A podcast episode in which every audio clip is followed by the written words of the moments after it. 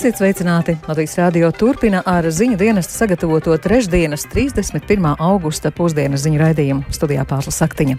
Jau rīt 1. septembris raidījumā skaidrosim, cik gatavi esam jaunajam mācību gadam. Algas dzīves dārdzību panākt varētu tikai pavasarī pēc apkures sezonas beigām un rēķinu mazināšanas. Ne maniem pasniedzējiem, ne maniem ģimenes locekļiem, ne maniem draugiem nav pielikts pie algas, bet cenas ir uh, lielākas. Jā, minimālās vajadzības. Jā, es varu nosakt tīri, jā, es varu paēst. Vai es varu atļauties ceļot? Varbūt tikai ar autobusu pa Latviju. Ukrainas bruņoto spēku pret uzbrukums dienvidos liek Krievijas armijai mainīt prioritātes, sīvas cīņas arī Donbasā. Krievijas militārajai pavēlniecībai tika uzdots ieņemt Donetskas apgabalu līdz augusta beigām. Augusta beigas jau klāt, un Donbasā ir Ukrainas karoks un Ukrainas varoņi. Pasaules valstu līderi piemin mūžībā aizgājušo Mihailu Gorbačovu. Jau rīt sākas jaunais mācību gads. Kā jau katru gadu, izaicinājumu netrūkst gan pedagogiem, gan skolēniem un, protams, viņu vecākiem. Joprojām galvenās problēmas saistītas ar mācību līdzekļu un pedagoģu trūkumu. Par to, kādi vēl ir izaicinājumi priekšā un gatava pastāstīt Linda Spundiņa, kas sekoja līdzi šīs dienas saimnes atbildīgās komisijas sēdēs. Sveika, Linda, cik gatavi esam jaunajam mācību gadam? Sveika pārsla, labdien, klausītāji! Jā, tieši pirms pāris minūtēm noslēdzās saimnes atbildīgās komisijas sēde, kurā tad uh, tika apspriesti dažādi jautājumi par gatavību jauniem mācību gadam, un, lai par to runātu, vispirms tika apskatīts jautājums par mācību līdzekļu nodrošinājumu. Jo, kā zināms, jau pēdējos trīs gadus pedagogiem bijušas problēmas ar gatavošanos mācību stundām, jo notiek mācības pēc jaunā standarta, taču ar pieejamu mācību literatūru bijušas problēmas. Valsts izglītības un satura centrs norāda, ka jauniem saturam pieejama aptuveni 50 līdz 60% materiālu, kas ir gan poligrāfiski, gan digitāli. Šogad šī aina ir labāka, taču joprojām pedagogiem būs naktīs jāgatavojas mācību stundām.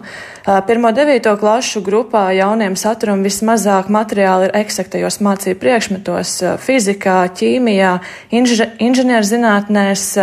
Speciālisti norāda, ka simtprocentīgi materiāli atbilstoši jauniem saturam varētu būt piecu gadu laikā.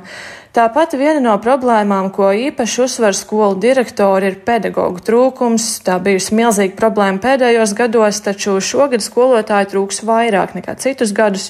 Kā skaidro atbildīgā ministrija, tas ir tādēļ, ka ir eh, joprojām pedagoģi, kas nav atgriežušies pēc Covid Eh, ierobežojumiem un eh, mācības, eh, tātad viņi šos mācības stundas ne, nepasniegs. Runājot par vakantajām vietām, ministrija paredz, ka, kā jau minēju, trūks šogad vairāk šie pedagoģi, un šis trūkums varētu būt 3% skolotāju skolās, tad nebūs aizpildīt šīs vakants.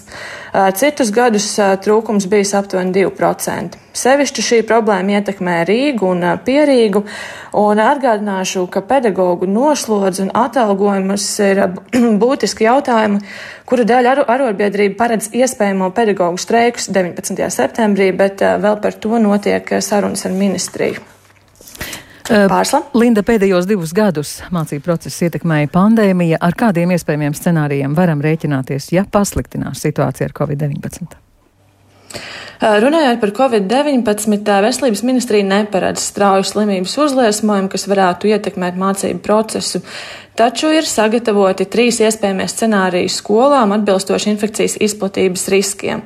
Protams, paliks spēkā standarta piesardzības pasākumi, kas ir telpu ventilācija, higiēna, tāpat roku mazgāšana. Visos trīs iespējamos scenārijos mācības noritēs klātienē, taču pie augstas saslimstības mācību iestādi var nolemt īslaicīgas izmaiņas mācību procesā. Runājot eh, par testēšanu, skolām būs pieejami valsts apmaksāti antigēna testi. Tos eh, izmantos eh, tad, ja būs saslimšanas simptomi. Netiks noteikta arī īpaša vakcinācijas kārtība un prasības. Ja tiks noteikta valstī sejas masku lietošana, bērni līdz 12 gadiem varēs likt audumu maskas, savukārt vecāki, bērni, tostarp arī pedagoģi, medicīniskās. Vēl viens no izaicinājumiem, kas šobrīd ir ļoti aktuāls, ir, protams, tas, ka jau rīt skolas gaitas uzsāks Latvijas skolās arī Ukrainas bērni. Un dati līdz vakardienai liecina, ka skolas solos sēdīsies aptuveni 3000 izglītojumu vispārējā izglītības vecuma grupā. Mācības notiks latviešu valodā, protams, būtiskākā problēma un ir tieši šī, ka ir valodas barjera, bet gan skolu vadītāji apliecina to, ka ar šo problēmu spēs cīnīties un jauniem mācību gadam būs gatavi. Paldies, Linda Spundiņa, par izaicinājumiem un gatavību jaunajam mācību gadam. Pirms jaunā mācību gada Izglītības un zinātnes ministrija sagatavojusi konceptuālu ziņojumu par augstākās izglītības finansēšanu. Tajā ir daudz labu priekšlikumu, taču iecerē atteikties no budžeta un maksas studiju vietu sistēmas augstskolās, tā vietā ieviešot līdzmaksājumus vairumam studējošo, ir nereāls piedāvājums un izraisītu studentu skaita strauju kritumu. Tā Latvijas radio atzina Daugaupils Universitātes zinātņu prorektors Arvīts Barševskis. Nē, es domāju, ka šis ir nereāls absolūti pašlaik piedāvājums, īpaši, kad mēs visi gaidām, kas būs ar visām apkures sezonām, energoresursu cenām un tā tālāk. Un skaidri saprotot, ka vidusmēra cilvēku skaits, kuri kļūs krietni nabadzīgāki, palielināsies, bet uh, liela daļa no viņiem uh, visdrīzāk nebūs maz nodrošinātie.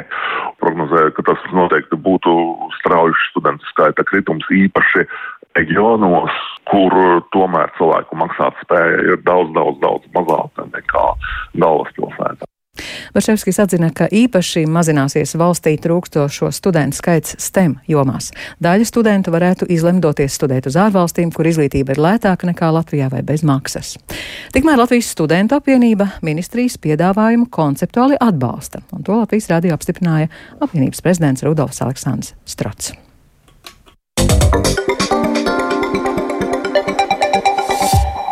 Straujais cenu kāpums rada spiedienu celt algu, taču tas savukārt var izraisīt vēl straujāku inflāciju, prognozē banku analītiķi.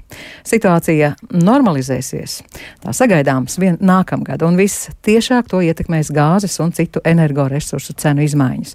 Vairāk Jāņa Kīņš sagatavotajā ierakstā. Šā gada otrajā ceturksnī vidējā bruto alga vai alga pirms nodokļu nomaksas sasniedz 1362 eiro un bija par 8,3% lielāka nekā pirms gada. Vidējā alga pēc nodokļu nomaksas ir teju 1000 eiro, taču prieka sajūtu tas nerada, jo inflācija gada otrajā ceturksnī pakāpās līdz vairāk nekā 16% un iedzīvotāju pirktspēja samazinājusies par teju 8%. Šīs tendences vissmagāk skar mazāko ienākumu saņēmējus, turpina Latvijas bankas ekonomists Andrejs Migunovs. Algas pieaugums ir diezgan strauji. Stabilos laikos tas uh, pieaugums būtu nu, diezgan pozitīvs, bet uh, pagaidām, kā visi zina, inflācija ir gandrīz divreiz augstāka par algas pieaugumu, un tāpēc viņa noēd to pieaugumu un reālā alga samazinās. Bet kas notiks ar inflāciju, pagaidām nav zināms. Ziemas sezonā būs uh, situācija skaidrāka ja kaut kas sāks uzlaboties, nu tad tas sāks uzlaboties varbūt tuvāk 23. gadam. Pēc ekonomista teiktā situācijai vajadzētu uzlaboties līdz ar lielāku skaidrību par energoresursu cenām. Apkuras sezonai beidzoties šīs izmaksas vairs nestimulēs inflāciju. Energoresursu cenu kāpumu dēļ aug arī ražošanas izmaksas, kas savukārt varētu likt taupīt arī uz algu palielinājumu rēķina. Šajā jautājumā gan ekonomista domas atšķiras. Un arī situācija nozarēs ir dažāda. Lauksaimniecības, mežsaimniecības, zivsaimniecības, mākslas, izklaides izpētes un atpūtas, kā arī transporta un glabāšanas nozarēs algu pieaugums bijis no 12 līdz 15 procentiem. Savukārt pat divkārt vai trīskārt mazāk algas augušas finanšu, apdrošināšanas un veselības aprūpas nozarēs. Savukārt stimulējošs faktors algu pieaugumam ir mazais bezdarba līmenis, kas otrajā ceturksnī ir turpinājis samazināties. Atalgojuma pieaugumu savā ikdienā visdrīzāk varēs sajust pēc apmēram nepilna gada, vērtē Luminor bankas galvenais ekonomists Pēteris Strautiņš. Domāju, ka jau nākamā gada otrajā pusē jau absolūti lielākā daļa Latvijas strādājušo jau baudīs reālo algu kāpumu, jo tajā brīdī cenas, nu, vai nu stabilizēsies, vai ļoti iespējams kritīsies.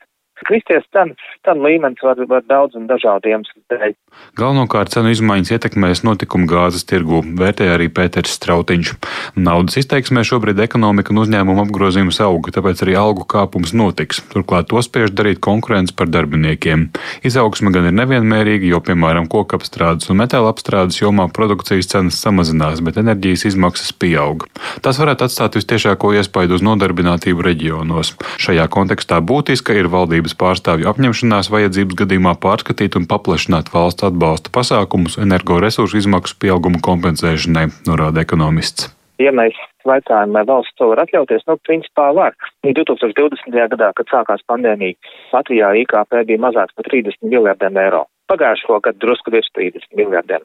Nākamgad, saskaņā ar Finanšu ministrijas un Netkēja Finanšu ministrijas prognozēm, Latvijas IKP būs lielāks par 40 miljardiem eiro. Tātad ir noticis pieaugums, kas ir daļai reāls, bet galvenokārt naudas izteiksmē šāds uh, IKP pieaugums nozīmē, valsts budžets ir par kādiem 3 miljardiem lielāks. Tā kā jā, uh, nācija to var atļauties.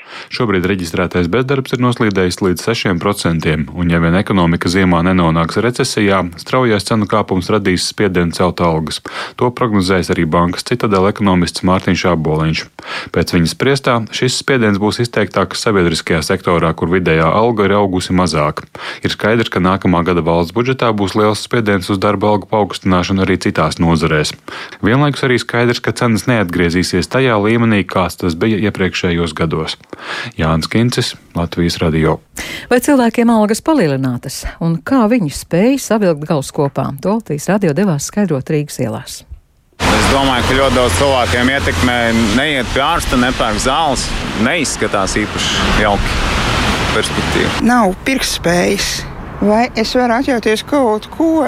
Jā, minimālās vajadzības, jā, es varu nosakt tīri, jā, es varu paēst. Vai es varu atļauties ceļot? Varbūt tikai ar autobusu pa Latviju.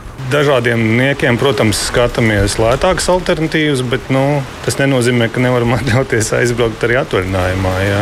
Bet ikdienā, protams, ka skatāmies un taupām. Jā. Arī, piemēram, pašlaik braucam velosipēdu, jo nu, benzīns arī ir bijis dārgs. Ne maniem pasniedzējiem, studējot akadēmijā, ne maniem ģimenes locekļiem, ne maniem draugiem nav pielikts pie algas, bet cenas ir uh, lielākas.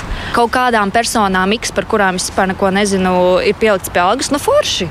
Mēs mazāk tērējam, bet pagaidām atļauties vēl varam. Nu šobrīd man liekas, es tādas krasas izmaiņas uh, neredzu. Tie lielie rēķini jau nav sākušies, un uh, mums ir dažas um, tādas opcijas, ko mēs esam izdarījuši, lai būtu gatavi šai ziemai. Es ceru, ka ar to pietiks. Ukrainas bruņoto spēku pretuzbrukums valsts dienvidos liek Krievijas armijai mainīt prioritātes. To norādījuši Amerikas Savienoto Valstu domnīcas kara pētījumu institūts analītiķi. Pēdējā diennaktī Ukrainas armija dienvidos devusi vairākus triecienus Krievijas spēkiem, militārajai infrastruktūrai un loģistikai. Paralēli ofensīvai dienvidos kara darbība turpinās arī citviet, un sīvas cīņas norisinās arī Donbasā. Britu izlūki ziņo, ka Ukrainas karaspēks vietām valstī atspiedis frontes līniju, izmantojot salīdzinoši vāju nocietināto Krievijas aizsardzību. Plašāk stāsta Rihards Plūme.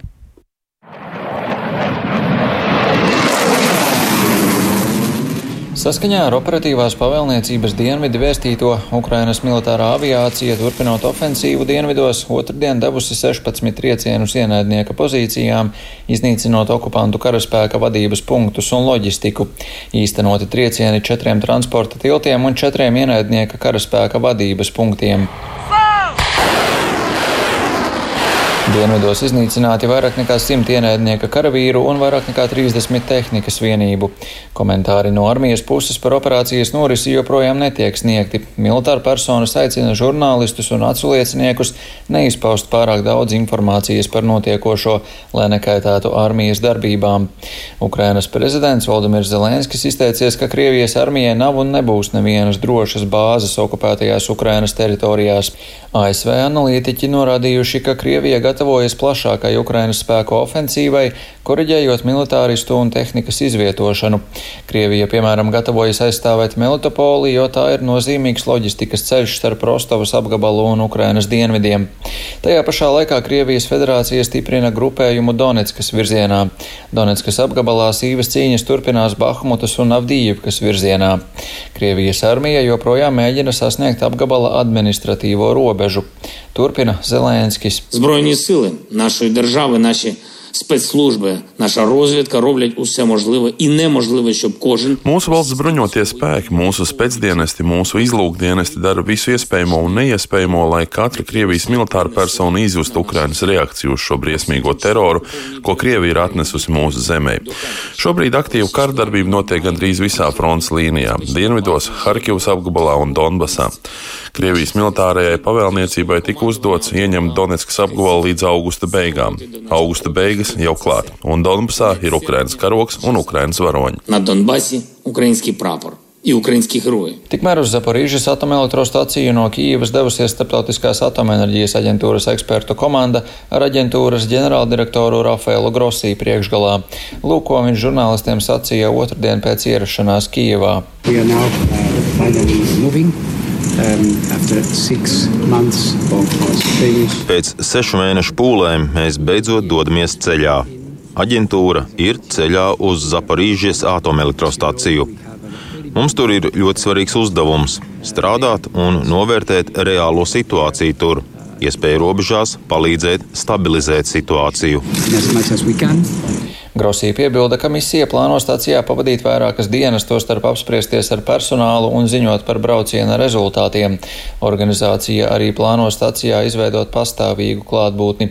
Tikmēr Ukrainas prezidents atzina, ka Krievija joprojām nepārtrauc bīstamās aktivitātes stācijā un tās apkārtnē. На жаль, Росія не припиняє провокацій і якраз на тих напрямках, з яких місія має прибути на станцію. Diemžēl Krievija nepārtrauc provokācijas tieši tajos virzienos, no kuriem misijai vajadzēja ierasties stācijā. Situācija stācijā, Enerhodarā un apkārtējos rajonos joprojām ir ārkārtīgi draudīga.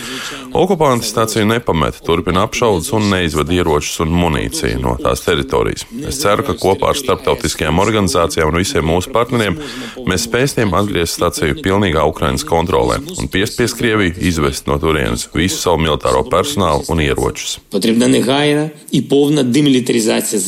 Bet telekanāls CNN vēsta, ka gatavošanos pseido referendumu rīkošanai Ukrainas okupētajās teritorijās vada Krievijas prezidenta administrācijas vadītāja pirmais vietnieks Sergejs Kirjenko. Šādu informāciju paudusi ASV amatpersona. Pēc Savienotajām valstīm pieejamās informācijas referendumi Hersonas, Zaporīžies, Donetskas, Luhanskas un Harkivas apgabalos varētu tikt sarīkoti tuvāko nedēļu laikā. Rihards Plūme, Latvijas radio. Pēc ziņām par bijušā padomju Savienības prezidenta Mihaila Gorbačova nāvi vairāku pasaules valstu līderi pauduši līdzjūtību un veltījuši piemiņas vārdus. Viņu vidū arī Latvijas valsts prezidents Egils Levits, kurš norādījis, ka Gorbačova mēģinājumi reformēt sastingušo sistēmu noveda pie PSRS sabrukuma, un liela loma pie tā bija baltiešiem. Viņš vērsa uzmanību, ka apspiestajām tautām tas nesa brīvību, un rezultātā pret Gorbačova gribu arī Latvija atguva savu neatkarību. Turpina Rihards Plūme. Eiropas komisijas prezidente Urzula Fonderleina nosaukusi Gorbačovu par uzticamu un cienījamu līderi, bet ANO ģenerālsekretārs Antonio Guterres novērtēja Gorbačovu kā unikālu līderi, kurš mainījis pasauli uz labo pusi. Lielbritānijas premjerministrs Boris Džonsons izteicies, ka apbrīnojas Gorbačova drosmi un godīgumu, novadot augsto karu līdz mierīgam noslēgumam. Augsto karu pieminējis arī Vācijas prezidents Franks Walters Steinmeiers, kurš pateicās Gorbačovam par viņa lomu Vācijas atkal apvienošanā. Francijas prezidents Emmanuels Makrons Gorbačovu slavēja kā miera cilvēku, kura izvēles pavēra Krieviem brīvības ceļu, bet ASV prezidents Džo Baidens savā paziņojumā atzīmēja, ka Gorbačovam ir iztēle redzēt, ka ir iespējama cita nākotne un drosme riskēt ar visu savu karjeru, lai to sasniegtu. Gorbačovs kā padomju Savienības līderis lielā mērā bija nepieciešamība. Tā vērtē Latvijas radio žurnālists vēsturnieks Edvards Liniņš. Ir skaidrs, ka padomju Savienība pagājušā gadsimta 80. gadu sākumā bija nonākusi situācijā, kas tā vairs turpināties nevarēja.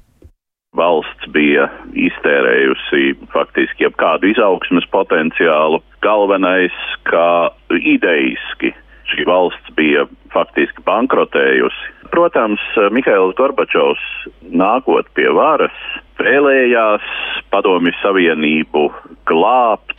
Viņš ticēja sociālisma sistēmai un droši vien vismaz teorētiski ticēja komunismu uzcelšanas idejai. Un, protams, ja viņam, tad, kad viņš stājās padomju savienības priekšgalā, kāds būtu teicis, ka viņa darbības rezultātā šī valsts sabruks, visdrīzāk viņš būtu kategoriski noliedzis šādu iespējamību un iespējams pat pārdomājis, vai viņš vēlas darīt to, ko viņš darīja. Bet liktenis bija lēmis viņam kļūt par šīs valsts faktisko likvidētāju, šīs valsts sabrukuma iniciētāju, un tā rezultātā arī Latvija un uh, pārējās divas Baltijas valstis varēja atjaunot savu faktisko neatkarību. Daugaupils ir vienīgā pašvaldība, kura nav iesniegusi vides aizsardzības un reģionālās attīstības ministrijai plānu par okupāciju slavinošu pieminekļu demontāžu. Arī Reizekne, kur varas groži tai pašai partijai saskaņai, lai gan plānu par demontāžu ir iesniegusi, šobrīd meklē iespējas, kā no tā izvairīties, jautājot sabiedrības viedokli aptaujā. Vairāk klāsmas Zutes Vītols sagatavotajā ierakstā. Reizeknas pašvaldības mājaslapā kopš pirmdienas iedzīvotāji aicināti izteikt viedokli vai atbalsta pilsētas padomju pieminekļa, kas tautā tiek saukts par ļošu demontāžu, piedāvājot trīs atbilžu variantus - atbalsta, neatbalsta vai piemineklis jāpārvietos pilsētā esošajiem miera ielas brāļu kapiem. Reizeknas pilsētas domas priekšsādātājs Aleksandrs Bartaševičs no Saskaņas Aptaujas nepieciešamību skaidro ar vēlmi panākt kompromisu, pieminekli pārcelt uz kapiem, nenojaukt. Priekšsēdētājs ir arī pārliecināts par iedzīvotāju viedokli. Runājot vienkārši ar, ar rezekniešiem, viņi to nojaukšanu neatbalstā lielākā daļā. Lai gan aptaujas rezultāti rāda ko citu, līdz otrdienas pēcpusdienai aptaujā, kas ir latviešu valodā, Pāri par 3000, jeb 57% atbalsta pieminekļa demontāžu un neatbalsta tuvu pie 36%, jeb 1880 balsis. Arī anketā, kas ir krieviski, vairākums atbalsta demontāžu. Priekšsēdētājs gan norāda, ka balsis ir jāpārbauda. Protams, ka mēs eh, tos datus pārbaudīsim, lai nebūtu dublēšanas, lai nebūtu, eh, kā teikt, eh, no tāda varianta, kā piedalās nu, speciālām programmām. Iedzīvotāji aptaujas komentāros pauž gan to, ka piemineklis jānojauc, gan to, ka jāsaglabā. Ir arī komentāri par to, ka aptauja ir bezjēdzīga, jo ir pieņemts likums par pieminekļu demontāžu. Kāds komentāros ironizē, vai būs aptauja arī par citu likuma normu ieviešanu, piemēram, par maksimālo braukšanas ātrumu atcelšanu. Taču ko par aptauju domā vides aizsardzības un reģionālās attīstības ministrijā, komentē ministrijas valsts sekretāra vietniece Ilze Oša. Likumdevējs ir likumu pieņēmis un likums ir jāpilda. Proti šajā gadījumā, ja likums ir skaidri minējis, kāda turpmākā rīcība ar objektiem, tad sabiedrības viedokļu noskaidrošana šeit nevar mainīt likuma izpildus pienākumu pašvaldībai. Reizeknas pašvaldība ir apliecinājusi ministrijai, ka likumā noteiktie termiņi par pieminekļu demontāžu tiks izpildīti, proti ne vēlāk kā līdz 15. novembrim. Iepriekš no pašvaldības bijām saņēmuši arī jautājumu par to, vai šis no objekts varētu tikt eh, nevis demontēts un iznīcināts, bet pārvietots uz citu vietu. Atbildējām, ka likums šādu pārvietošanu uz citu vietu neparedz. Attiecīgi jāveic ir tas, kas likumā ir noteikts, proti demontāžu un iznīcināšanu, izņemot tad, ja ir kāda uh, kultūra vēsturiska vērtība. Un saskaņā ar mūsu rīcībā sošo informāciju, tad pašvaldība šobrīd arī sazinās ar un citām atbildīgajām institūcijām par to, vai šo vērtību šeit varētu saskatīt un uh, nodot kaut kādu daļu vai kaut kādu fragmentu uh, muzejiem. Reizeknas pašvaldības mājaslapā iespēja izteikt savu viedokli par pieminekļa demontāžu būs līdz šai piekdienai. Pēc tam Reizeknas doma slēdz līgumu par vēl vienas aptaujas veikšanu ar kādu aģentūru, tam tērējot, kā apliecina priekšsēdētājs, 6000 eiro. Šie rezultāti būšot zināmi septembra beigās. Tomēr tas, kā norāda ministrijā, nemainīs to, ka Ļošas piemineklis ir jādemontē. Lāsma Zuta Vītola Latvijas rādio studija Latgalē.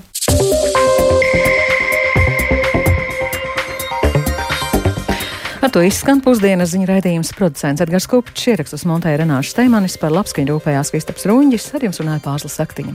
Un īsi par svarīgāko. Jaunajā mācību gadā joprojām galvenās problēmas saistītas ar mācību līdzekļu un pedagoģu trūkumu. Algas dzīves dārdzību panākt varētu tikai pavasarī pēc apkuras sezonas beigām un rēķinu mazināšanās. Ukrainas bruņoto spēku pretuzbrukums dienvidos liek Krievijas armijai mainīt prioritātes - sīvas cīņas arī Donbasā. Raidījuma atkārtojums raidierakstu platformā un Latvijas radio mobilajā lietotnē lietotnē, sekojiet arī Latvijas Radio 1 Facebook lapā un LSMLV.